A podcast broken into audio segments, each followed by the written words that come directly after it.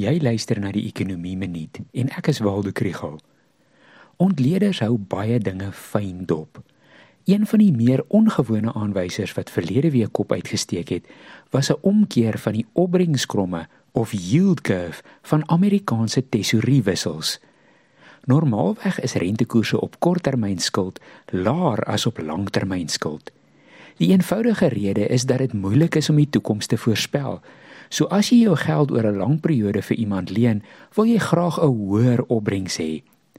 Dit is dan vreemd wanneer die verhouding van 2 jaar tot 10 jaar skuldinstrumente se opbrengskoers omkeer. As die mark voorsien dat rentekoerse oor die langtermyn laer gaan wees as oor die korttermyn, impliseer dit swakker ekonomiese groei in die langtermyn. So omgekeer word geassosieer met die begin van 'n resessie. Gelukkig is daar dit darm nie altyd die geval nie.